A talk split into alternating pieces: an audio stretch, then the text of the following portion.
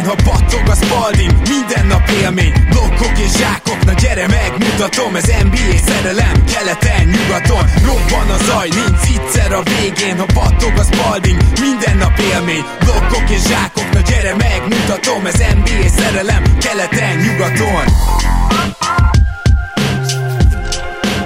Éj jó! Szép jó napot kívánunk mindenkinek! Ez itt a Rep City keleten-nyugaton podcast a mikrofonok mögött Zukály Zoltán és Rédai Gábor. Szia Zoli! Szia Gábor, sziasztok, örülök, hogy itt lehetek. Ne felejtjétek, hogy még mindig él ugye április végéig az az akció, hogy a Podcast 21 promókóddal egy Repcity sportzoknit tudtok még hozzá kapni ahhoz, amit vásároltok online a Repcity felületén. Úgyhogy nézegessétek, és hogyha valami tetszik, akkor ne felejtsétek el hozzáírni a promókódot. És uh, ahogy ígértük, és nagyon vártuk is ezt az adást, most uh, végre újra a szezonban másodszor ránézhetünk egy bizonyos csoportra, hogy melyik ez ez a csoport.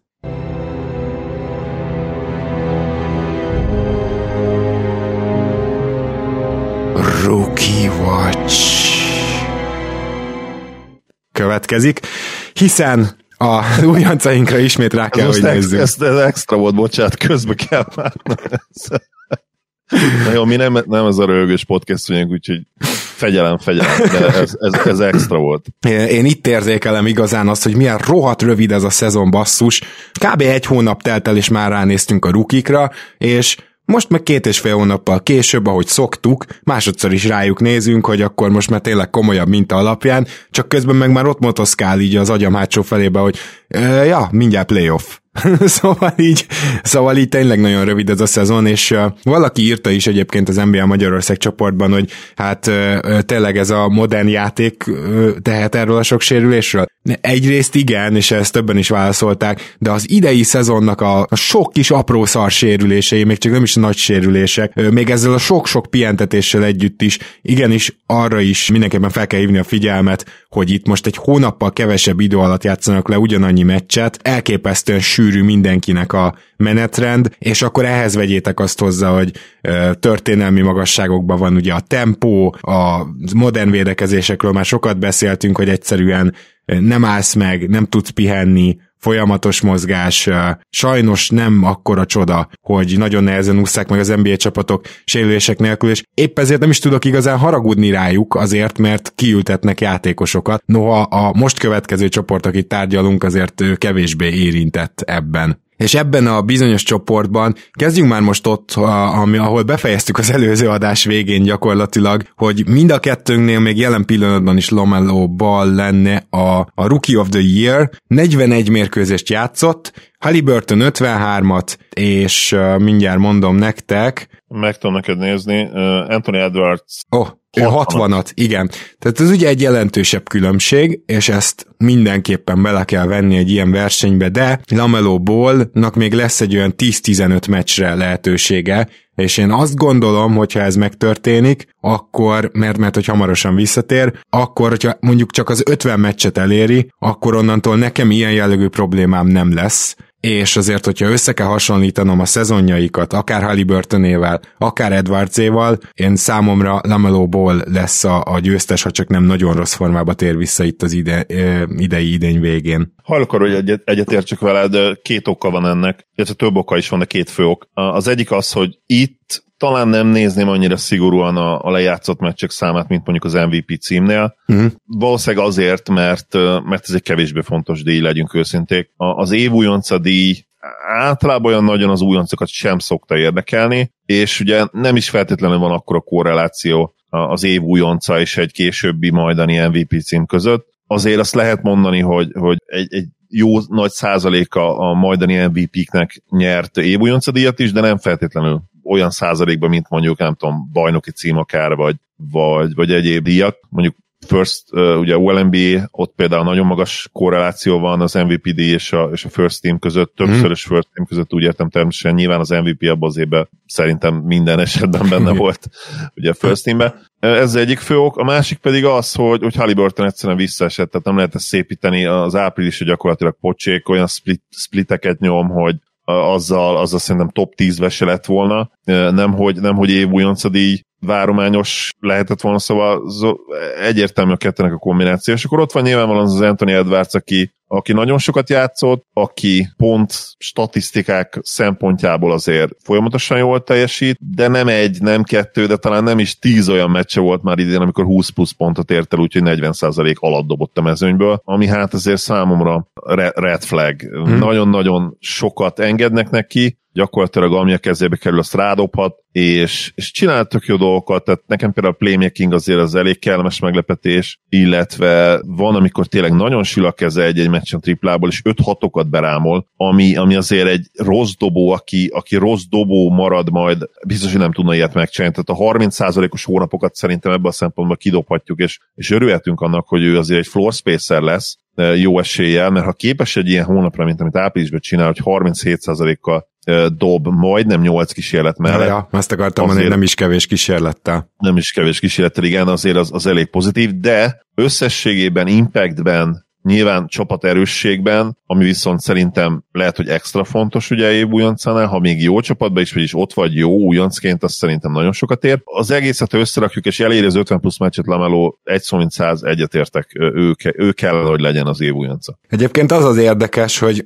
ugye már beszéltünk arról, hogy mekkora előnyből indulnak a playmakerök a mai ligában bizonyos hát sorrend felállításoknál. Most sincs ez másképp, tehát hogyha az újonc assist listát megnézi az ember, ember, akkor bizony, hát egyetlen egy ember van, Cole Anthony, aki a 4,3 asszisztjával beleszól ebbe, de gyakorlatilag a top 4-ből hármat soroltunk fel, ugye Lamelóból 6,1 assziszt, Tyrese Halliburton 5,1 assziszt a meccsein, persze ezek nem per 36-ra vannak, úgyhogy azért így is helyén kell kezelni, mert hogy az egyébként nagyon sokat játszó Anthony Edwards is, ő 2,7 asszisztnál jár, és bocsánat, még Facundo Campazzo is beleszól ebbe, tehát akkor azt mondanám, hogy Edwards az ötödik. Na most, hogy azt, azt látjuk, hogy Edwards mellett viszont játszanak persze playmakerök, akár Rubióra, akár a most visszatérő D'Angelo Russellre gondolva, és nem is igazán ez a feladata, nem ilyen típusú játékos, de azért mégiscsak ez a playmaking megmutatja azt, hogy kiben van ö, tényleg nagy potenciál. Na most, amit még hozzá akarok tenni, hogy például Lamelóból stílben is vezet a rukik között, amit nem nagyon sokan hangsúlyoznak, hogy ő neki a védekezése egészen NBA redinek tűnik, még akkor is, hogyha az elején meg annyi hibáját ki kellett javítani a ugye Borégónak. A, aki ezt megtette, és úgy tűnik, hogy Lamelóból képes volt egyre jobban fejlődni, egy nagyon szép ívet írt le ez az egész év eddig, és én azt remélem, hogy ez az ív nem törik meg ettől a mostani csuklós sérüléstől. Halliburtonhoz pedig még annyit tennék hozzá, hogy ha nála most ezt a rossz hónapot figyelembe vesszük, úgymond, akkor nyilván Anthony Edwardsnak se felejtsük el teljesen az első két vagy másfél hónapját. Anthony Edwardsnak pedig kellett ez az új jegyző, ebbe gondolom egyetértünk. Tehát Chris Lynch alatt egyszerűen egy, egy másik játékos lett, és lehet, hogy ez önbizalom kérdés, de az is lehet, hogy né- néha kell egy olyan egyző, aki egyszerűen, de határozottan elmondja, hogy mi a szereped, és hogy pontosan mit engedhetsz meg magadnak, és mi az, amivel egyelőre ne próbálkoz. Ez is fontos volt nyilván, illetve az is fontos volt szerintem, hogy, hogy, hogy Carl Anthony Towns, ugye már visszatért jó pár hónapja, de, de az azért nagyon fontos volt, hogy, hogy nem, hogy megtalálta magát, hanem ugyanazokat az űrstatokat kezdő ugye felrakni, mint előtte. Ami, ami nagyon fontos egyébként, február elején tért egyébként vissza, tehát most már pontosan úgy két hónapja gyakorlatilag, két hónapja meg egy pici, de az első hónap azért nem volt annyira erős ugye magához képest, legalábbis nem volt olyan impact, és folyamatosan ugye növelte a pontátlagát, o, ott tartunk, hogy most már ilyen, ilyen 28 pont környéken átlagol áprilisban, és brutálisan jó hatékonysággal, ami rá ugye mindig jellemző volt. Nagyon oda kell rá figyelni, és nyilván most már a, a Minnesota is, ugye towns azért egy, beszélgetünk mindig arról, hogy, hogy mekkora impactja van ő, van-e neki MVP impactja, valószínűleg nem, de azt tudjuk, hogy azért egy 50%-os impactja van. Tehát ezt az egyébként nem annyira erős keretet, amikor ő játszik, azért ez egy 50% környékére tudja, tudná valószínűleg repíteni. Nem azt mondom, hogy erre nem láttunk ellenpéldát például a tavalyi szezonban, de szerintem, hogyha minden egyébként adott, és, és egészségesek körülött a csapattársai, akkor azért ezt, ezt el tudná érni a Minnesota Timberwolves, és, és áprilisban egyébként ez, ez látszik is, tehát közel vannak ugye az 50%-os mérleghez, és azért most már nyeregetnek mérkőzéseket, most más kérdés, hogy minek, de nagyon sokat segítő ez a lényeg, tehát, és nyilván Rubio jelenléte is egyébként kifejezetten jót tesz Anthony Edwardsnak, akiről azt mondjuk el azért tényleg, hogy ő is free, free level scorernek tűnik, tehát tud egy kicsit pick and rollozni uh, befejezni, ugye a pindanoknál is elég hatékony, és, és most, hogy így, így, hogy áprilisban esik a, a triplája, így azért tényleg egy, egy, egy háromszintű szkórernek tűnik, akiben van hát all-star potenciál legalább, én azt gondolom. Igen, és ezt gyorsan megemlíteném, hogy nehogy azt gondoljátok, hogy a sok playmaker miatt ez csak is kizárólag catch shoot tripla, tehát ő neki van pull-up triplája is, és ez is fontos, Bírom. amikor azt mondja az ember, hogy ugye három szintű ö, ö, pontszerző az illető.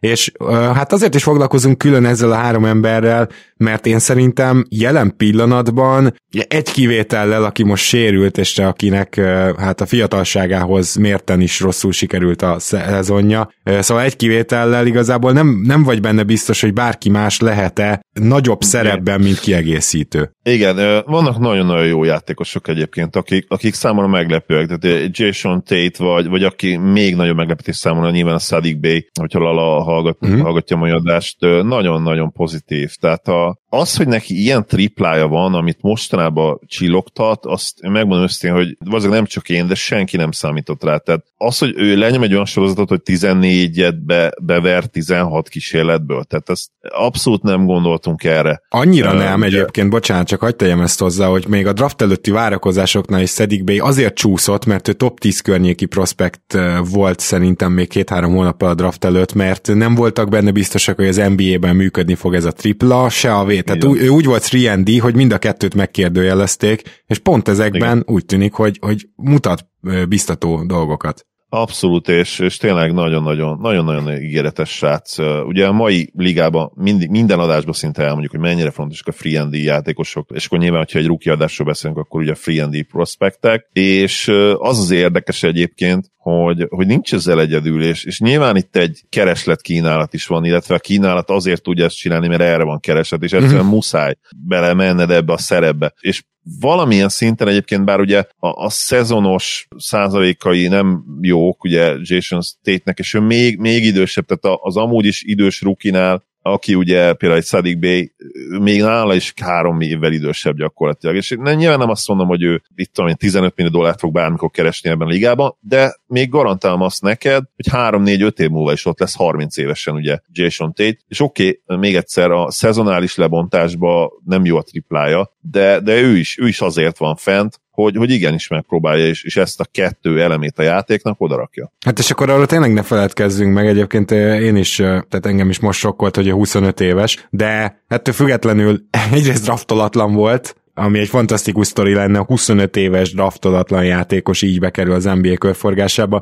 Másrészt Jason Tate, nem akarok nagy szavakat használni, de nekem úgy tűnik, hogy ez a csávó, hogyha csak egy közepes triplája lesz, már meg fog élni, mert fantasztikus védő, és ezt is ritkán mondod egy 193 centi magas emberről, de gyakorlatilag egytől ötig tud váltani. Igen. És egyébként ugye tegnap lehozott egy 0 per 9-es tripla meccset épp a jazzen, tehát nehogy félrejtsék, nem azt mondom, hogy, hogy, hogy ő tud triplázni, pont ezt akarom mondani, hogy még ezekkel a hiányosságok hiányosságokkal is neki ezt kell csinálnia. Tehát neki igenis rá kell, és garantálom nektek, az edzője is ezt mondja, hogy fél rá kell dobni, mint ahogy Dortnak mondták tavaly, hogy üresen vagynak, nem érdekes senkit. Rá, ha üresen vagy, a mai NBA-ben rá kell dobnod. Lehet, hogy fakezű vagy, de, de csak így fog kiderülni, hogy lehet-e belőle egy játékos, vagy nem.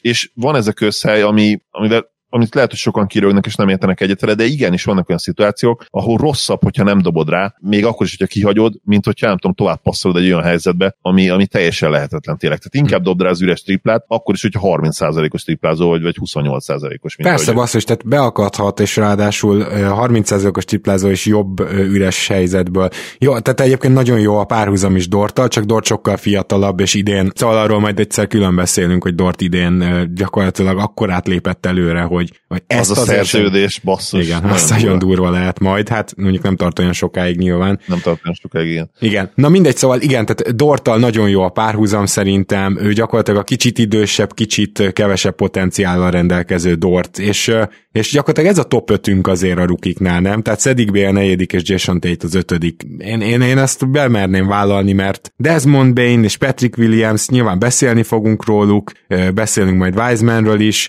de, és Campazzóról is természetesen, ők azok, akik még itt szóba jöhetnek a tíz környékén, de akikre igazán felkaptam a fejem valamiért, valamiben kiemelkedőt tudtak nyújtani, az egyértelműen Sedic Bay a triplázásával, és Jason Tate az egészen elképesztő védekezésével, ami egyébként egy olyan csapatban ráadásul, ahol a védekezéssel vannak gondok. Igen, egyébként aki még nagyon érdekes prospekt is benne, viszont elég komoly upside van az Asia Stewart, ugye a Pistons másik újonca, és nagy aki... meglepetés is, mert egyébként múltkor alig tudtunk róla még beszélni, ha emlékszel. Igen, igen, igen. És 19 évesen, oké, okay, alig dobott, dobott még le trippát, de, de nyilván ez a százalék is azért elég komoly, amit dob eddig.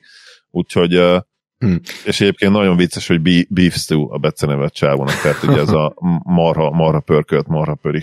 Aha, Isaiah Stewartot már most legalább három-négyszer láttam játszani az elmúlt két hónapban, és nekem az volt a benyomásom, ugye pont a Dangdomban hallottam, hogy hát ő lehet az új Tristan Thompson, hogy ő lehet az új Tristan Thompson, igen, de amivé Tristan Thompsonnak fejlődnie kellett volna, mert ebbe a srácba lehet, hogy benne lesz a tripla, ebbe a srácba lehet, hogy benne lesz a, a, a kicsit több playmaking, Szóval azért alapból, hogyha egy Tristan Thompson szintű lepattanózó vagy, aki, mint Rollman is megállja a helyét, az már egy, az már egy korrekt játékos. Azzal már ugye a kezdőben volt bajnok, igaz, hogy egy három sztárból, illetve egy szupersztárból és két sztárból álló csapat, de akkor is ez már jól hangzik. De, de hogyha emellé még tudsz plusz dimenziókat tenni, akkor az egyik legjobb ilyen roleplayer center lehetsz akár a ligában, és ezért lesz érdemes figyelni Isaiah Stewartra, mert fiatal, és, és már az első év alatt sokat fejlődött. Ezzel szemben Patrick Williamsnél olyan érzésem van, hogy ilyen hatalmas fejlődésről nem tudok beszámolni, viszont nagyon szolid az, amit mutat. Nyilván azért védekezésben előrébb lépett, ahogy egyre jobban megértette az NBA szisztémákat, de,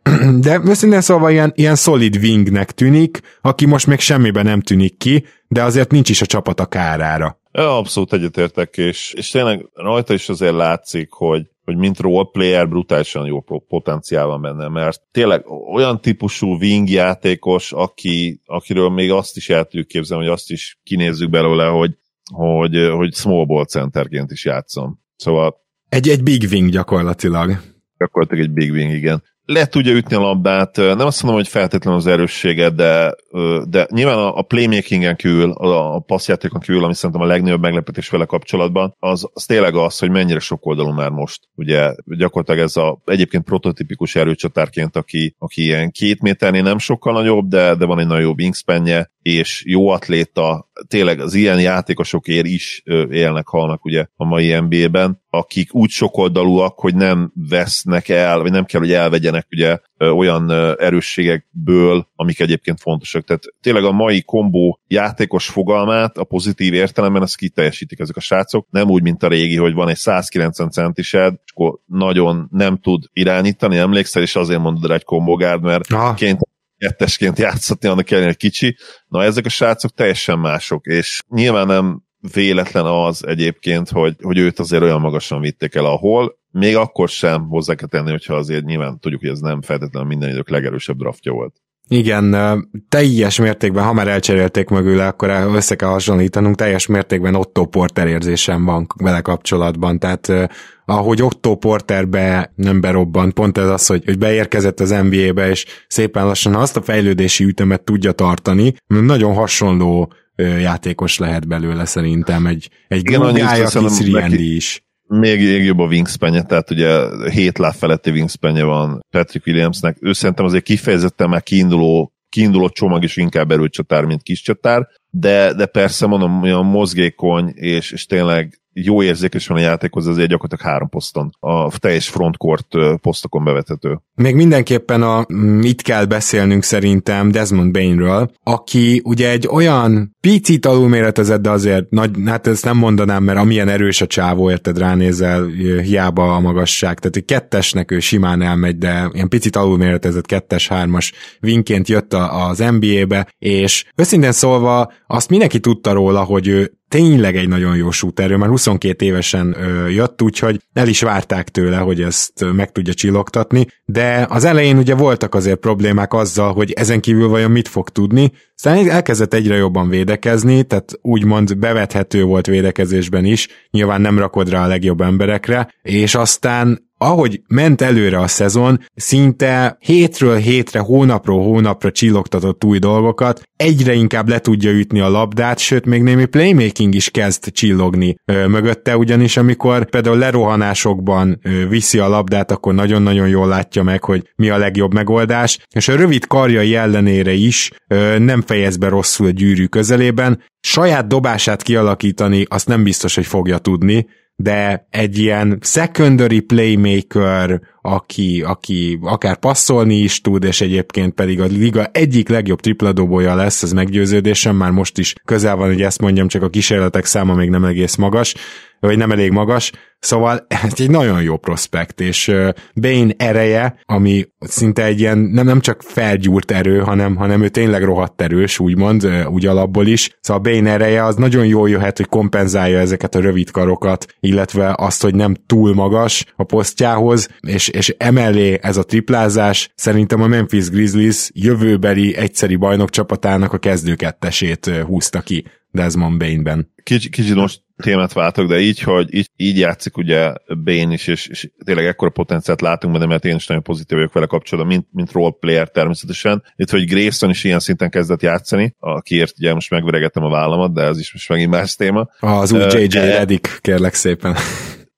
Elcserélni Dylan Brooks-t, ha jön egy jó ajánlat, vagy, vagy akár, hmm. akár proaktívan már előre? Igen, ez nagyon jó kérdés, mert ugye most csak akkor röviden kitérve, Brooksnál az a változás, amit megfigyelhetünk itt az All-Star szünet óta, sőt már kicsit előbb meg, megtörtént ez, hogy sokkal jobb lett a dobás kiválasztása, és egészen elképesztő, hogy minden egyes meccsen megfogja, a, vagy hát megpróbálja megfogni az ellenfél legjobbját, és nagyon-nagyon jó munkát végez. Még azt mondanám például, biztos láttad a Dallas elleni meccset, hogy Igen. Doncsicson is fantasztikus munkát végzett. Most nyilván Doncsics néha nagyon jó védekezéssel szembe is csinál egy 30 pontos tripla-duplát, de, de hogy ez a játékos, ez így szerintem bőven megférhet ez a mostani változat a Brooksnak. Még nem rossz ez a szerződés, igen. Tehát amitől féltünk mondjuk egy, nem tudom, egy éve is talán még, volt egy nagyon rossz sorozat, hogy emlékszel. Igen. De hát most is, ahogy kezdte a szezon, szerintem 50% alatt volt a true shooting percentage. Igen, tehát... igen, igen. És, és ahhoz képest meg tényleg, tehát most azért milyen játékosokat kapsz 10, 10 plusz millióért, 11 millióért. Tehát, de nyilván ez is merül fel az emberben, hogy, hogy be, be lehetne esetleg dobni egy cserében, mert, mert mm-hmm. van értéke.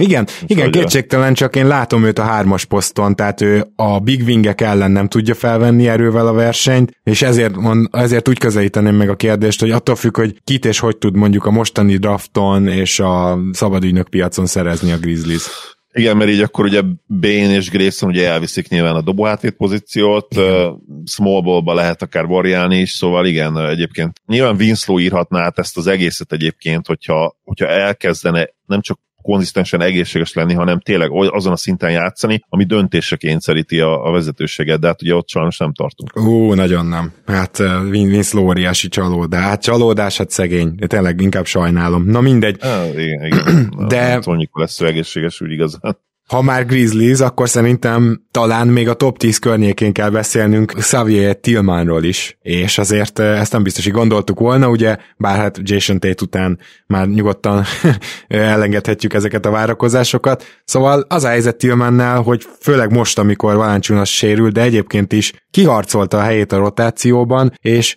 ez a csávó, ez megmutatta, hogy így gyakorlatilag mindent tud. Semmit sem tud még extrán, de ez a csávó ennek nem nagyon van hiányossága. Magas ember, aki 4-es 5 poszton bevethető, lábon is gyors, valamilyen improtectionja van, nem azt mondom, hogy extra, de egész jó, és őt ugye Draymond Greenhez kicsit hasonlították, Draymond Greennél egészen biztosan jobb shooter lesz, nyilván soha nem lesz olyan passzoló, se olyan védő, tehát ezt, ezt értjük, de biztos, hogy jobb shooter lesz, van triplája, van középtávolia, van flótere, és ez egy, ilyen Grizzlies betegség, ami terjed, tudod, hogyha a Grizzliesbe igazolsz, akkor lesz flótered, szóval most, most évek óta a Grizzlies Grizzlies a legtöbb floatert rádobó csapat, ehhez jött még hozzá az, hogy Tillman is floatereket haigál, és, és a gyűrű közelében is jól fejez be, úgyhogy igazából egy ilyen mindenes magas ember, nagyon értékes húzás a Grizzliesnek a második körben. De, de azért ez így 45 évesen nem olyan meglepő tőle, nem legyünk. Nagyon durva a csávó, hát nem hiszed el. Kész. Az, voltak ilyen arcok már az NBA-be, de ő szerintem extra, tehát a, ha tényleg egyébként össze lehetne rakni egy Koravén, Koravén arc line segítsetek majd a kommenteknél. Greg Monroe. Greg Monroe, a rookie Greg Monroe nyugodtan. Majd lehet is. Biztos. Igen. Na most Tillmanre, hogyha ránéztek, akkor meg nem mondanátok soha, hogy 99-es, tehát 21-22 éves, mert tényleg 45-nek néz ki. Nem, nem tudunk jobbat. 45-nek úgy néz ki, mint tényleg, mint, mint Danny Glover, de nem, a, nem is már a első Little weapon hanem a harmadik részben, amikor már tényleg nagyon öreg volt, és már nagyon tele volt a töke mindennel. Na, úgy onnan indít kb. Tillman Mörtó kapitány harmadik részben. Te egyetértesz azzal, hogy itt a top 10 környékén őt is meg lehet említeni. Ja, abszolút. Hát ugye őt is most láttam a Dallas ellen nemrég, és uh, rohadt jó volt tényleg.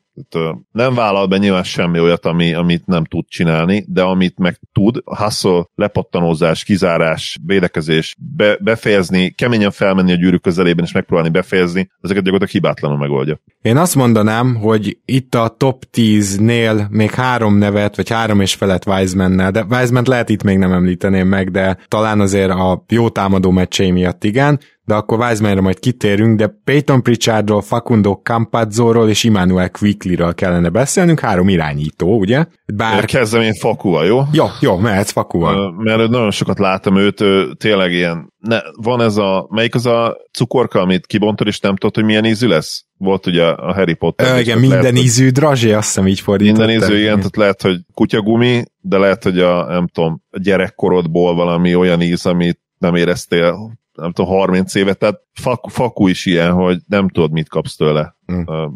Bármelyik este. Tehát 4 per 5 tripla, brutál jó védekezés az egyik este, utána semmit nem tud bedobni, és, és átmennek rajta simán.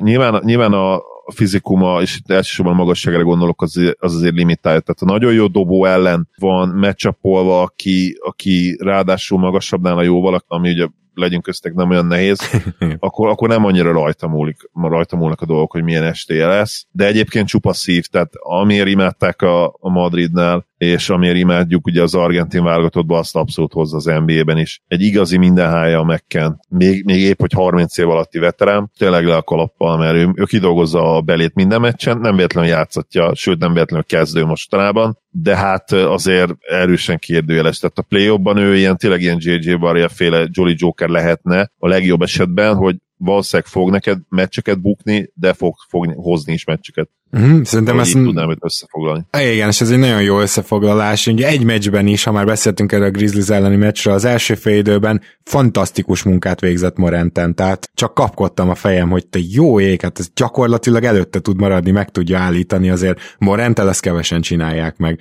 de aztán a második fél időben úgy is lehet ezt előadni, hogy Morent összeszedte magát, meg nem tudom, de azért az is egyértelmű volt, hogy Campazzo akkor már lábon nem bírta annyira ezt a történetet, és én e- ezt látom, hogy neki így az NBA, főleg ez az elképesztően ö, ö, sűrű szezon, ez nyilván ezt a terhelést ő nem szokhatta meg. Ő egy ennél egy fokkal kisebb terheléshez volt hozzászokva, és talán, hogyha nem lenne ennyire sűrű a szezon, akkor nem lennének ilyen elfáradások, de könnyen elképzelhető, hogy jövőre ezt az inkonzisztenciát, ezt le tudja vetközni, csupán azzal, hogy sokkal jobban hozzá lesz ehhez szokva. Mert, mert egyébként amikor ő jól védekezik egy ballhandlerön, akkor az fantasztikus nézni is. Hát igen, a triplája az, azt tudtuk, hogy nem lesz extra, én szerintem ehhez képest már az nem is rossz. durva, hogy va, igen, a szezonális százaléka nagyon jó, ugye a 39 százalék. Azért mondom, hogy, hogy ez, ez, ez... Más kérdés, hogy ez úgy jön össze, igen, ahogy mondtam, hogy egyik meccsen 4 per 5, utána meg tizet nem dob be. Tehát az a baj, hogy kiszámíthatatlan teljesen,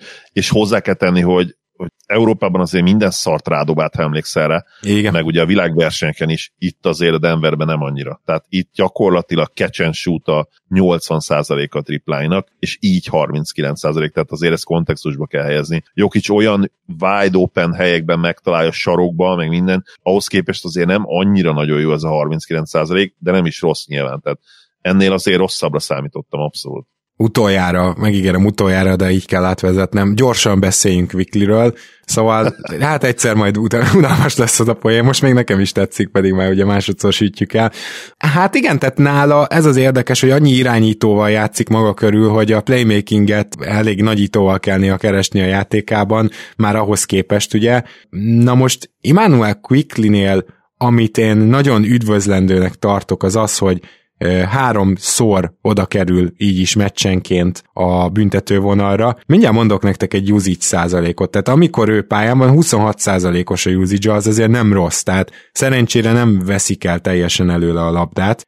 Az assist százaléka viszont 17,2, ami meg azért meglehetősen kevés egy elvileg irányítótól, de hát nyilván vagy rozzal van a pályán, de még Burks is ugye egy ilyen típusú játékos, vagy, vagy akár Paytonnal, tehát így ez nem olyan könnyű, ezt elismerem, és remek büntetőző, 90%-ot karcolja alulról a, a büntetőszám, és hogyha ő mondjuk most játszik 19,5 percet, ugye, hogyha ez majd később 30 perc lesz, és tud hozni egy hat büntető kísérletet, vagy hetet, és azt ilyen százalékkal dobja, az hatalmas előnyire fog várni, úgyhogy Quicklynek ez az egyik erősség, a másik pedig továbbra is ez a hihetetlen messziről eleresztett floater, ami egy meglehetősen nagy fegyver lesz szerintem neki az NBA-ben, mert annyira azért nem magas, hogy, hogy, hogy könnyebb legyen neki a gyűrű közelébe befejezni. Hát ezzel kapcsolatban azért statisztikám is van, ha már gyűrű közelében fejez be, akkor viszont egyelőre nagyon elit, 68 százalék, szóval szerintem le a kalappal,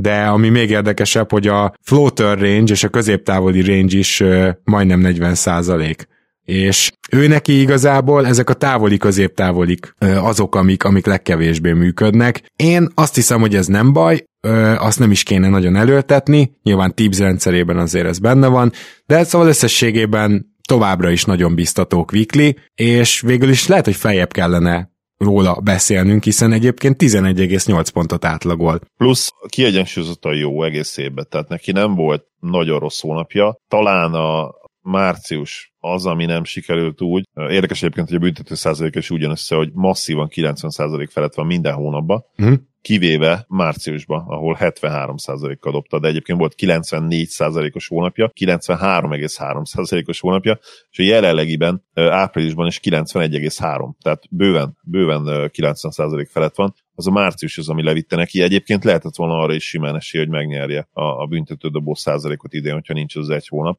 Ami egy olyan versengés, ami általában egyébként senkit nem érdekel, de én szoktam figyelni, és szeretem figyelni, mert én, én nagyon várom, hogy ott is lehet esetleg még ugráspont. Ma az admincsetten beszéltünk erről, hogy ugye régen a, a nagy volum, volumen mellett a 39-40 százalékos büntetőzők voltak az elitek, hogy ez hogy jött fel témaként egy vicces kép, csak gyorsan mellék. 39-40? 39-40 százalék volt a legjobb a nagy volumenű shootereknek triplából. Ja, Tibio, mert büntetőt uh, mondtál azért. Okay, igen, jó. igen, ja, igen, de most igen, csak a ugye, gyorsváltás, hogy miért jött fel ez a büntető dolog. Onnan jött egyébként ez, a, ez az adat, hogyha a Curry a következő 500 triplát kihagyná, akkor is jobb karrier százaléka lenne, mint a jelennek. Az a turba. Egészen, szóval ez, ez elég értetlen magában. Na mindegy, szóval hogy azt hittük a tripláról is, hogy nagy volumen mellett ez a 40 az álomhatár, amit el lehet érni. Ugye Ray Allenek, Stojakovicsok, ki volt még, Reggie Millerek, mindenki itt van karrier százalékban, ha megnézitek. A leges legjobb triplázók. Nyilván voltak még akkor is Steve Kerr, aki 43 százalék karrier szinten, de ugye sokkal alacsonyabb volumen mellett, és nyilván sokkal több wide open dobással. Tehát azt, azt gondoltuk, hogy a nagy volumen mellett ez a 40 százalék az államhatár, aztán jöttek a Körik, a Clay Thompsonok, és megmutatták, hogy hát ez rohadtul nem így van, a Kyle Korverek. Én arra leszek kíváncsi, hogy büntető zésnél is megáll ez, hogy mégse, kiderül, hogy mégse a 90% a, a határ nagy volumen mellett, ahol vannak ugye a Steve Nesek, a Dirk Nowitzkik, a Larry Birdök talán, ha jól emlékszem ő is, vagy mondjuk egy Pedja Stojakovicsnak is, azt hiszem 90% körül van 89. De mindegy, Quickly-re visszatérve, azért is kell egyébként a top 10 környékén beszélnünk róla a legrosszabb esetben, de lehet, hogy top 5, top 5-ben, vagy top 5 végén, mert, mert hát ő tényleg nagyon kiegyensúlyozott, és, és mondom, minden hónapja jól sikerült talán a március leszámítva. Hozzáteszem, hogy azért az a hype, ami január végén volt, hogyha emlékszel, hey, volt igen, a igen, igen. 30 pontos meccse, aztán volt kettő back-to-back meccse majdnem 30 pont, 30 pont környékében. Nyilván a Nix drukkerek, ugye, ahogy, ahogy szokták, elszaladtak ezzel a dologgal. Ugye tudjuk már Channing Fry a következő Team Duncan. Igen, meg, igen, igen, igen. Hogy stb. Következő D-Wade, az meg ugye Schumpert volt. Galo Galinari Larry Bird, hogy egy kedvencemet is mondjam, és behozzam ebbe a, a rossz példába. Na, szóval Quickly, a plafon szerintem nem, nem egy extra dolog nála, de nagyon jó kiegészítő ember lesz, és nagyon jó scoring punch a, a padról, akár a következő 10 plusz évben. Az biztos, hogy ő a méretei miatt és a, és a, a, az elite playmaking passzjáték hiánya miatt azért, azért be van, a tető azért, tetőt látjuk, a plafont látjuk, maradjunk annyiban. Egyébként nagyon hasonló a helyzet Peyton pritchard is szerintem. Kicsit más típusú játékos, kicsit inkább playmaker, de és nagyon jó keze van triplából. Hát jól dob, igazából aktív védő. Nála is így a, plafon az, ami szerintem látszik, hogy, hogy nem lesz magasan, de ha például hogy Peyton Pritchard a csere irányítod, aki ugye egy off is tud játszani. Egy ilyen, tehát nem azt mondom, hogy a csúcs George Hill, de egy szegény ember George Hill, de simán benne van, az pedig egy nagyon jó kiegészítő játékos, mert mondjuk George Hill Hill idősebb kori verzióját, hogyha megnézed, ami a saját píkének egy kicsit csökkentett változata, mondjuk a Bugsban, amikor annyira jó volt, hogy gyakorlatilag jobb volt, mint Bledsoe, hogyha azt mondod, hogy egy ilyen típusú játékost vársz Brayton Pichartól, akkor szerintem tök jó. Tehát egy ilyen játékos kell. Egy ilyen játékos akár a kezdőben, akár a padról tud segíteni, attól függően, hogy milyen a csapatot felépítése. És én nagyjából ezt látom az eddigiek alapján Peyton Pritchardba, aki tényleg szintén meglehetősen stabil, hozzá tudja tenni mind védekezésben, mind támadásban azt a keveset, és még igazából szerintem vele mindenképpen jót húzott a Boston, amely csapatnak azért volt az elmúlt években némi problémája a közepes pikkekkel. Pritchard játékát nagyon-nagyon szeretem, tényleg ilyen kemény, fehér srác, ugye fehér srácnak talán mindig extra keménynek kell lenni az NBA-ben, különben rászállnak, és ő megmutatja, hogy benne abszolút megvan ez a, ez a keménység, és hát konzisztens triplázó, ami, amivel a mai ligában ugye tudjuk, hogy nagyon, nagyon messzire lehet érni. Uh, nyilván nem egy extra, játékos, már csak azért sem, mert a fizikai adottságai azok ugye tudjuk, hogy messze vannak az elittől. Most megint csak nem arra gondolok, hogy ő fehér és kicsit lassú, hanem hát ugye méretben is kicsit alacsony, ő a, a listázott magasságánál is azért szerintem alacsonyabb. Ugye 6 láb 1, uh-huh. 185 környékének mondják, szerintem inkább 183 lehet, és hát idős rukia és ugye 23, 23. életévet már betöltötte. Ennek ellenére neki is látom abszolút azt, hogy, hogy 10 plusz éves karrier az NBA-ben hasonló egy McCallumhoz, bár nyilván Pritchard azért nem olyan jó playmaker, meg talán nem is lesz soha olyan jó playmaker, mint McCallum, de, de egyértelmű, hogy, hogy NBA játékos, és, és újoncként azért ez, ez nagyon nagy szó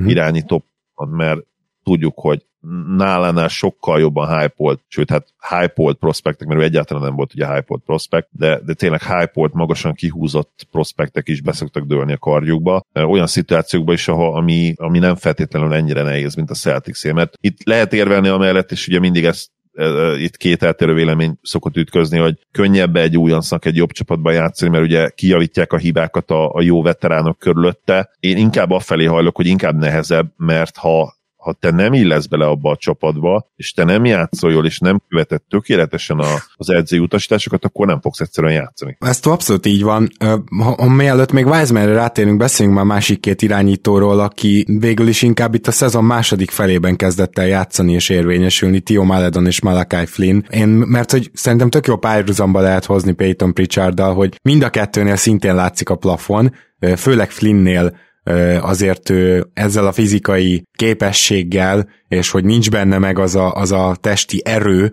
ami mondjuk Lowry-ban meg Fanfleetben, így hogy együtt látom őket pályán akaratlanul is összehasonlítja az ember, így hiába, hogy aktív védő, hiába, hogy ö, egyébként egészen jól szervez, hogy lesz triplája, de ne, nem valószínű, hogy első számú labdakezelőként, első számú playmakerként valaha ö, extra hasznos lesz de azért érdemes Flynnre is odafigyelni, és Tio Maledonnál azért egy fokkal bizakodóbb vagyok a plafon tekintetében, tehát Tio Maledonnak a, az atletikus képességei miatt azt mondom, hogy ő talán még lehet egyszer egy ö, csapatnak a, az első számú ballhandlere, amit eddig látok, az inkább egy, egy jó csere irányító, de mindenképpen biztató az is, hogy mind védekezésben, mind támadásban használja az atletikusságát. Például ha Dennis Smith Jr. használta volna akár csak ennyire az atletikusságát, akkor uh, nyilván ahhoz kell IQ is, hogy ezt tud használni, meg, meg ball handling is kell, hogy ezt tud használni, de érdekes, tehát valahogy nekem Dennis Smith Jr. beütésem van Theo Maledonnal kapcsolatban, de mégis sokkal bizakodóbb vagyok, mint ahogy Dennis Smith Jr.-nak alakult a karrierje. Nehéz, nem tudom, Tiót ugye én nagyon rágerjedtem, úgymond, amikor az elején főleg volt az első jó meccse, ahhoz képest meg azért kiderült, hogy ő nagyon messze van, még ami megint csak teljesen normális, mert nála meg tényleg bejött az, amiről beszéltem az előbb, hogy egy, újonc irányító playmakerről, ráadásul ugye Pritchard egy jó csapatban játszik, akkor elmutatjuk, hogy ugye Maledon minden idők egyik legrosszabb csapatában játszik talán, vagy legalábbis nyilván nem annyira rossz az OKC egyébként, csak mondjuk most nehéz lenne ezt bemagyarázni, amikor épp egy 12 meccses vereség sorozatban vannak. Hát gyakorlatilag akkorát tankolnak, amekkorát csak Nagyon bírnak, tehát Horford igen, kiül, Gilgis Alexander, hogyha izé valaki csúnyán néz rá, már kiül, tehát nyilván. És egyébként le, le a kalappal, tehát ez pontosan így kell csinálni, és az a Rohedli pikkel, hát most ha választhatnék szituációt ugye a, a ligában, akkor, akkor tényleg lehet, hogy őket választanám, egy fiatal csapatok közül. Ma- Meledonnak nagyon rosszak ugye a százalékai, tehát hogy próbálkozik, Igen. próbálkozik, csak nem, nem túl hatékonyan, és ez a, ez a, ez a nehézség, és ezért is van Dennis Smith Jr. érzésem vele kapcsolatban.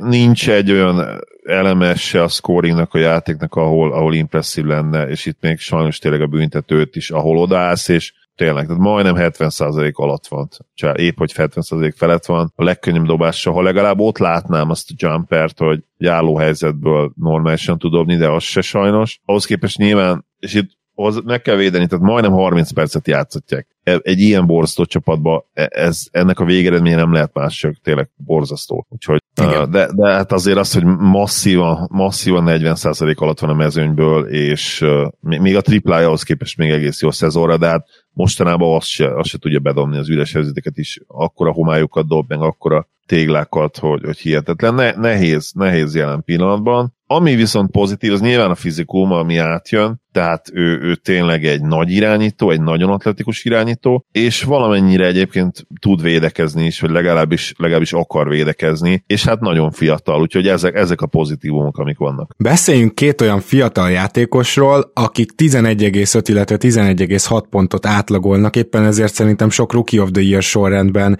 meg fogjátok látni a nevüket majd akár a top 5-ben, top 10-ben, de mi nem említettük őket ott, ha bár azért egy nagyon korrekt, konkrét sorrendet most nem mondunk nyilván. Cole Anthonyról és James Wisemanről beszélünk, akiknek egyelőre az a problémája, Mm, ugye Cole Anthony-ra szoktam mondani, hogy nagy rá a kabát, igazából James wiseman is pontosan ugyanezt történt, tehát gyakorlatilag kicsit besültek, de mind a kettő nagyon fiatal, és megéri abszolút reménykedni. James Wisemannek ez a szezonja azért így csalódás számodra, hogy gyakorlatilag kikerült a kezdőből, komoly meccsen. Esélye nem volt negyedik negyedbe pályára lépni, és hát sokkal rosszabb helyről indul védekezésben, mint amit szerintem akkor reméltünk, amikor azt gondoltuk, hogy ő belőle egy elitvédő lehet majd. Nagyon nagy csalódás Wiseman szezonja összességében, ennél sokkal többet vártam tőle, lehet, hogy nem volt fair egyébként, Úgyhogy uh, igen, mm. nem nagyon van olyan játékelem, amiben azt mondanám, hogy, hogy ne lenne csalódás de, de ő is nagyon fiatal, és ez lehet nyilván a, a mencsvár. Fél gyűrű közelében egyébként, jó, nem magas emberhez képest, de nem rossz. Tehát, hogy ennyi, ennyi, hogy a magasságát azért ki tudja használni viszonylag jól, meg nyilván az a kis ball handling, ami van neki, amivel el tud indulni, meg lerohanásokat be tud fejezni, az azért még jól jöhet, meg nem rossz kiindulási alap. Úgyhogy támadásban azért így nem, nem teljesen elveszett a történet, nem is gondoltuk volna, hogy lesz triplája, aztán van, nem túl jó, de van. Szóval ez, szerintem támadásban azért van, vannak biztató dolgok. Legalább rádobja, igen, ezt lehet. igen a fizikuma az, ami pozitívum tényleg, tehát a, nagyon nagy, nagyon nagy és nagyon erős. Nem egy szuper atléta abból a szempontból nyilván, hogy laterális mozgás, oldali irányú mozgás, az persze ekkora testtel nem feltétlenül lesz elit, de, de összességében előre egyenes vonalban nagyon jól fut, és nyilván meg lehet majd találni idővel, ugye álliopokkal is. Nem írnám le, de, de inkább a legnagyobb hiányosság, és amire én nem számítottam, hogy, hogy picit több intelligenciát vártam tőle, picit több játék intelligenciát. Azt gondoltam, jobban fog reagálni, azt, azt gondoltam, hogy jobban kihasználja azt, hogy Steph Curry mellett játszhat. Nem nagyon tudta ezt megtenni eddig. Akkor nézzük meg, hogy Cole Antonival miért vannak hasonló érzéseink, vagy legalábbis nekem, pedig ugye egy irányítóról beszélünk. Először is meg kell dicsérni annyiban Cole Antonit, hogy nem tűnik rossz védőnek, nem se, semmi extra, tehát például egy Markel Fultz az háromszor jobb védő nála egyelőre, de nyilván újonc irányító mikor tűnt jó védőnek, szinte soha, úgyhogy azért ott nekem nincsen nagy bajom vele, de hozzáteszem, hogy Orlandóba, ha egy dolgot megtanul az ember nagyon jól, akkor az a védekezés. Egy ilyen szempontból jó helyre került, és egészen, hát nem azt mondom, hogy jól eljut a gyűrűig, meg, meg sokszor állhat a büntetővonalra, de ezt megint érdemes lesz nála is figyelni. 2,4 büntetőből 85%-kal dob. Én szerintem ez mondjuk ilyen pozitívum, aztán a százalékai azok, amik, amik nem tudom, hogy mennyire igazságos nála felhozni mert hogy ő neki most irányítania kell egy NBA csapatot. Úgyhogy szemlátomás nem kész még erre, mint ahogy Kilian Hayes se volt készen erre például Detroitban. Tehát, hogy, hogy ez az irányítóknál sokkal dominánsabban kijön, főleg ha mégis megkapják a lehetőséget, mert gondoljatok bele, hogy egy magas embert úgymond lehet kihagyni a játékból, lehet kicsit rejtegetni, ha védekezésben már háromszor jó helyen van, akkor már olyan nagy baj nem történhet esetleg, mert ő neki mondjuk nem a periméteren kell rohangálnia, Hát a, az irányító az minden ilyen gyengeségét, főleg támadásban fel fogja nagyítani az, hogyha nagy szerep hárul rá és ugye ugyanez volt például Moody-nél is Denverben az első évében, és hát nagyjából az a szezon jutott eszembe most Cole Anthony-ról, de, de azért biztatóbb mindenképpen, mint Moody, nem szeretném azt mondani, hogy az ő sorsát várom. Azért Cole Anthony-nál még várnunk kell egy évet, hogy ezek a százalékok egy kicsit jobbak legyenek, mert ez idén már, idén már nagyon rossz. Szerintem erősödnie kell. Ami, ami nála szerintem kijön, hogy tényleg túl messze van az NBA tripla, tehát neki, neki egyszerűen erősödni kell a törzsizomzatának, a lábainak, és akkor tudja majd beváltani shooterként azokat az elvárásokat, amiket egyébként vele szemben azért tápláltak, tápláltunk. Igen, igen. Mert egyszerűen nem tudja, elég, eléggé nyesz lett, srác. Nem azt mondom, hogy nem láttunk már rossz, rosszabb fizikumot az NBA-ben, szerintem egy Steph Curry is valószínűleg újoncként vékonyabb volt, mint ő, de, de Steph Curry meg ez a, az igazi paraszt erő van benne, tudod, hogy Aha. amikor vékony volt, már akkor is rohadt erős volt, és olyan deadlifteket nyomott, olyan elemeléseket olvastunk arról, hogy, hogy hihetetlen, de Cole Anthony nekem, nekem nem tűnik erősnek, és neki egyértelműen ebben kell fejlődni majd, én azt gondolom. Viszont azért emeljük azt ki, hogy négy és fél lepattanót és 4,3 asszisztot átlagol. Ez, ez azért egy sokoldalúságra enged következtetni, mert 26 percet játszik, tehát nem is az van, hogy 38 hat, és Igen Szerintem ez rendben van, tehát például a lepattanózás egy point guardnál ugye nem feltétlenül az erő kérdése, mert Igen. hiába vagy erős, nem fogsz tudni felugrani oda, hanem ugye, hogy, hogy kiszámolt, hogy hova jön a labda, hogy gyorsan oda menj, és, és szerintem az irányító az már a harmadik legfontosabb lepattanózó poszt az NBA-ben ahogy Igen, alakul ugye, a játék. Ebben egyetértek. Nyilván a Magic is le Rómát tankolja szezon, tehát hozzá kell azt tenni, ugye, hogy... Ja, hogy értelmes hogy, játékosok nincsenek körülötte, persze. Tehát, nincsenek, igen. Fél, ez tovább emeli a 4,3 assziszt értékét valójában. Úgy igen.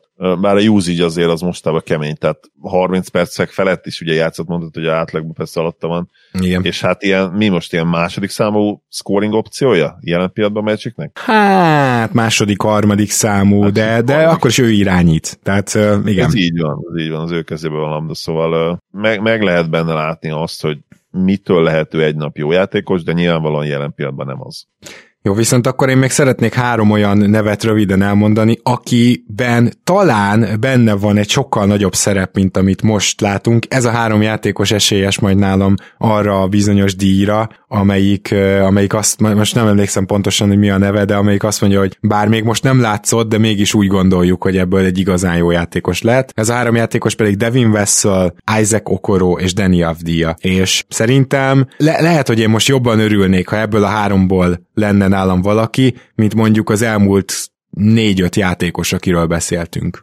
Ezt ez így nem tudom mennyire érthető, de mind Devin Vesselbe, mind Isaac Okoróba, mind Dani Avdiába bele tudok látni egy ilyen sokkal nagyobb szerepet, ami később fog kijönni belőlük. Abszolút, de Danny kifejezetten jól kezdte a szezont, aztán nyilván elfáradt, és ahogy haladtunk előre a hónapokba. Európai újoncként egyébként teljesen értető módon, ugye, ugye egyre kevésbé volt jó. És egyébként ezen valamilyen szinten Luka is átment az újonc mm-hmm. évében. Mm-hmm. Nyilván más szint, nem akarom összehasonlítani őket, de, de, de nem lett könnyebb a szezon, ahogy, ahogy haladt előre az idő, mert a fizikum, a fizikum jött elő és ugyanez a tényleg Doncsisnál is, hogy ő nyilván mindent tudott a játékról, vagy szinte minden már ugyan célbe is, de azért nagy volt a grind neki, és, és ott hónapról hónapra azért ezt lehetett látni, hogy egyre inkább elfárad. Danny-nél is ez volt a helyzet, ráadásul ő azért, de Danny nagyon keményen kellett, hogy hajtson védekezésben is, amennyire az ő képességeiből tellett. Ugye sokáig kezdő is volt, és oké, okay, nem játszott soha 30 perc környékén, de azért, azért a mentális elvárások, a mentális ter is elég nagy volt rajta, és szerintem nem játszott rosszul. Tehát ha megnézitek a statjait, persze nem lesz semmi különleges, sőt, rá lehet azt is fogni, hogy hogy gyakorlatilag, hát finoman szóval se erős az 50%-os TS, de ha követtétek a szezonját, akkor tudjátok tényleg, hogy, hogy benne azért többen is több lesz. És nyilván nehéz elképzelni azt, hogy, hogy ebben a dinamikában ezzel a csapattal ez valamikor is kijöhet, ahhoz szerintem azért egy új Washington kell majd látni, de, de szinte csak benne, hogy, hogy Danny NBA játékos lesz, és ez már azért most látszik, ellentétben például egy, egy Dragon Benderrel, aki, akinél azért látszott elég korán, hogy valószínűleg ez nem fog összejönni, vagy egy Jan Veszelinél, de Danny nem ez a kategória lesz, ebben teljesen biztos vagyok. De Isaac Okorónál pedig miért reménykedik az ember hasonló módon? Nos, azért, mert ő nála ez a sérülés, ez megakasztotta az évét. Szerintem teljesen egyértelmű. Egyébként jól kezdett, és a sérülés óta azért nagyon rosszul dob. Tehát, hogy ő nála fő, főleg ez a probléma, és az kifejezetten a tripla 30%-kal, de egyáltalán nem tűnik elveszettnek, nem tűnik számomra fakezűnek, és ami fontos, hogy amit őt beharangoztak, hogy ő milyen jó védő lesz, hát Cleveland meccseken külön érdemes okorót nézni, amikor pályán van védekezésben, tehát van pár ilyen játékos, akit szoktam mondani, és, és ezt újoncra azért ritkán mondjuk rá. És szerintem benne megvan az a védekező potenciál, és ha emellé egy ilyen valamilyen közepes támadó szettet össze tud szedni, amit miért ne tenne, hiszen ő sem idős még, akkor én szerintem ebből egy kifejezetten jó játékos sülhet ki. E, nem tudom, Okoróval kapcsolatban bármi. Többet kell majd őt látnom, az biztos, hogy fizikailag nagyon jó profilja van a srácnak, és kicsit abból a szempontból kilóg abból a tömegből, akinek ugye mindig összetéveztem a nevét, hogy játék intelligenciában nekem kifejezetten tetszik, uh-huh. ami Nyilván triplája az neki sincs, ugye, ez, ez teljesen egyértelmű, de nekem az, tényleg azt tetszik, hogy, hogy nem megy el ész nélkül például blokkolni, pedig, pedig ő tényleg azért megtehetné ezt az ő, az ő fizikumával és az ő wingspanjével, hanem, hanem próbál ott maradni az emberen, és abszolút a highlightokban mondom, de, de, de úgy tűnik a srác, hogy készen állhat arra, hogy, hogy egy nap egy kifejezetten jó több poszton is bevethető játékos legyen, és nyilván, nyilván marad majd neki mindig ugye a wing pozíció, de mondom ez a része, itt sincsen production, de látom azt, hogy, hogy ő egy nap egy, egy komoly rendszer része is lehet akár majd, és, és hosszú távon. Viszont, és ezt is meg kell említeni, a highlightok alapján se látom benne azt a, azt a wow faktort, uh-huh aki, és itt nyilván scoringról beszélek elsősorban, tehát neki nagyon sokat kellene viszont készségben ahhoz fejlődni, hogy több legyen, mint ez a, ez a mindenbe segítek egy picit típusú játékos, ami szerintem az ő legjobb pozíciója lesz, és a legjobb jövője. Tehát én azt ná, már most kizárnám, hogy neki valaha komoly szinten a kezébe fogják adni a labdát. Igen, igen.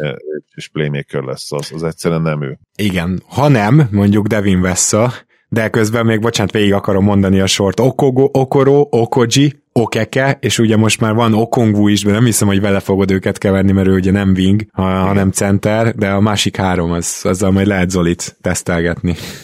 Hú, nem is kell tesztelni, mert biztos, hogy meg fog bukni minden alkalommal teszten. Na de beszéljünk Wesserről, mert hogy ő benne viszont némi playmaking potenciál is van, és nyilván nagyon nehéz megítélni ezeket a szokásos első évben szinte teljesen jegelt Spurs tehetségeket, de azért Vessel mondjuk többet játszik, mint amennyit Lonnie Walker játszott. Szóval mivel Popovicsban ilyen szempontból megbízok, ezért ez önmagába biztató, és kezdek meggyőződni arról, hogy Vesselbe biztos, hogy van valami, hogyha nem is engedte Popovicsot, Popovics, hogy berobbanjon, de azért játszatja, és néha van a kezében a labda, amúgy 40%-kal triplázik. Szerintem abszolút biztató, és lehet, hogy ennek a bizonyos díjnak talán a legnagyobb esélyesen állam. Az, hogy tényleg Pop annyira szétszivatja ezt a szerencsétlen gyereket, hogy, hogy az egyik meccsen négy percet játszott, játszott utána felrakja 25 percre pályára, hogy, hogy nehéz bármit mondani, mert ez lehet szerintem a legnehezebb, hogy fogalmat sincs újoncként, 20 éves újoncként, hogy mit hoz a holnap. Lehet, hogy fogsz játszani, lehet, hogy nagy szerepben fogsz játszani, lehet, hogy egyáltalán nem kerülsz pályára.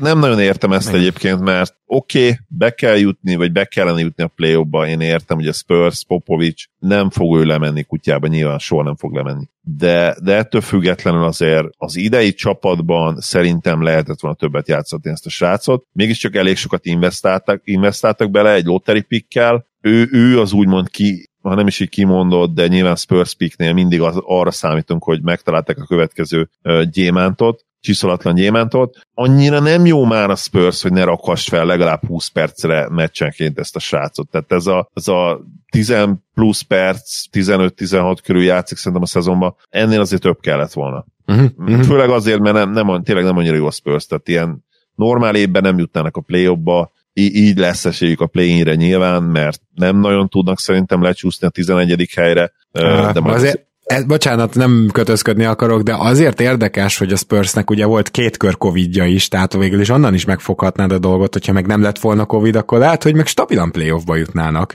Hát nem tudom, azért mínuszos netratinggel. Igen, jó, persze. Tehát földelesítették a netratingüket. Minden esetre, amíg ebbe a versenyben benne voltak, addig tényleg Popovics nem fog csak úgy perceket osztani. Jó, jó, az igaz. Tehát hm abban igazad vagy, jobb csapatnak nézett ki a Spurs annál, mint, ami, mint amilyen az utóbbi pár, egy-két hónapban. Igen. tény.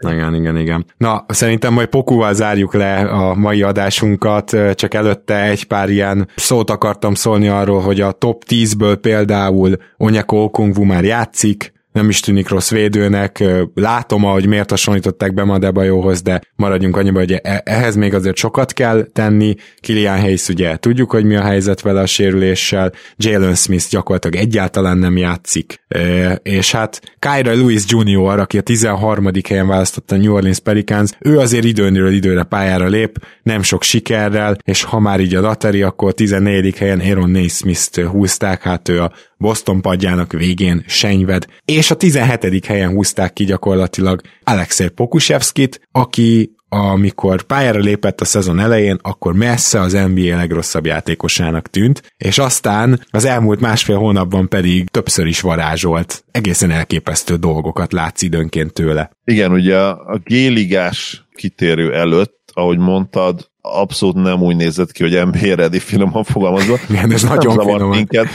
nem zavart minket, mert ugye ebben az OKC-ben miért kellene, hogy, hogy, hogy NBA ready, ready legyen valaki, csodálatosan ment a tank, és hát rakjuk be őt is. Bár nem kezdtek annyira rosszul ugye egyébként az évben az OKC, tehát sokáig úgy tűnt, hogy jobbak lesznek annál, mint ami, de aztán nyilván teljesen lementek kutyába.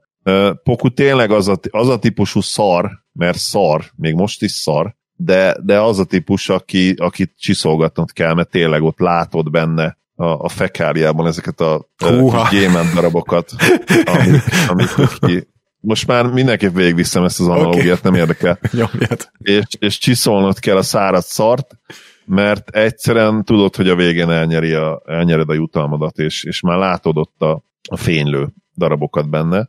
Úgyhogy uh, igen, ez, ez csodálatos lett az analógia. De mik ezek a fénylő darabok, hogy hát azért... Vagy arany, vagy gyémánt, de nem, nem is így nem értem. biztos, hogy gyémánt hanem megfejtve a, az analógiát. Gyakorlatilag a csávó, ugye egy hm, hét láb magas ember, aki felhozza a labdát, csinál egy keresztátütést, és majdnem emberről ö, bedob egy 8-9 méteres triplát. És ilyet Igen. megcsinált Pokusevski. Tehát ez, ez egy önmagában egy olyan jelenet, amit a draft osztálynak a nagy része nem tudna megcsinálni. Így van. Posztól függetlenül. És ugye ő ezt hétlán magasan megcsinálja. Egyébként sokkal jobb analógia lett volna az ar- aranyás és aranymosás. Aha. Most már mindegy.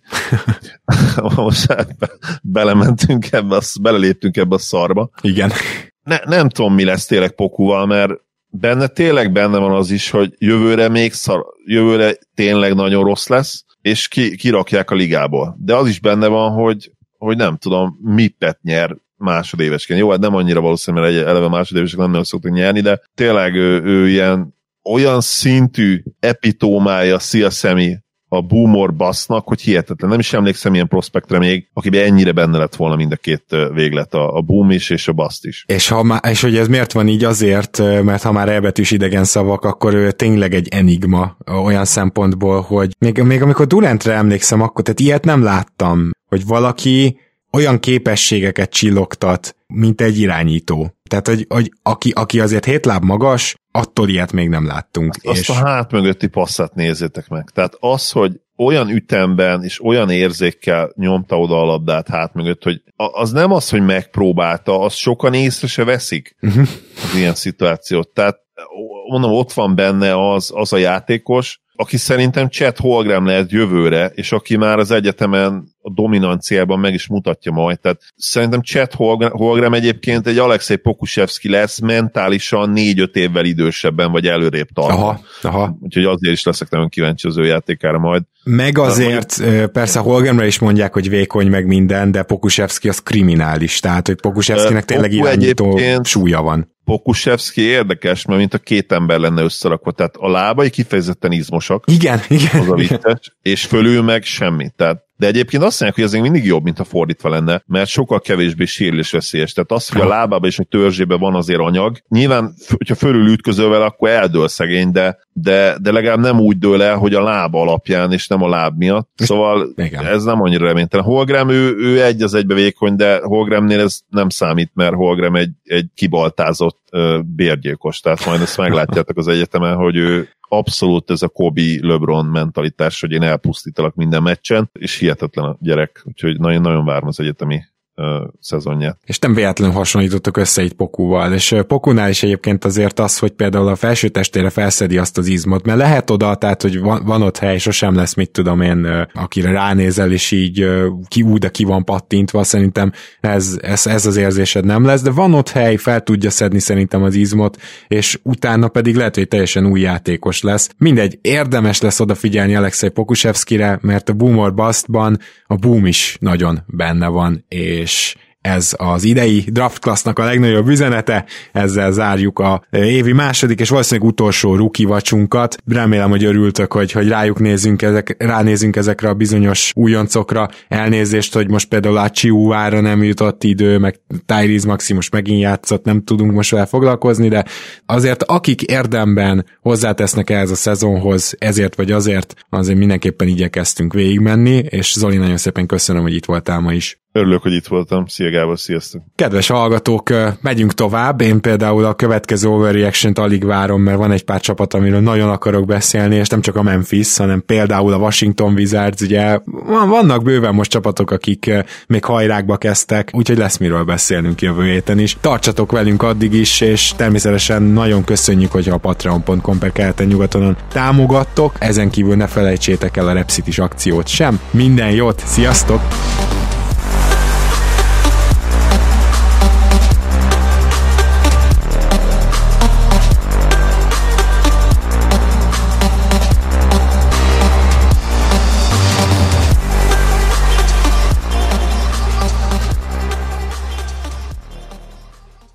Ha más podcastekre is kíváncsi vagy, hallgassd meg a Béton műsor ajánlóját. El tudod képzelni, hogy a podcastet, amit éppen most hallgattál, fél év múlva már a mesterséges intelligencia generálja? Mi sem. De ha érdekel, eljötte már a gépek lázadása. Hallgass bele az Embertelen podcastbe. Orsós Lajos vagyok, a műsor házigazdája. Egyelőre még élőben. Egyelőre. Fedezzük fel együtt, hogyan ismerkedik, randizik, mesél és vitatkozik Betty és Péter, két teljesen mesterséges intelligencia. Lajos, a podcast címét mond még egyszer, Léci. Oké. Okay. Embertelen podcast. Ez a műsor a Béton közösség tagja.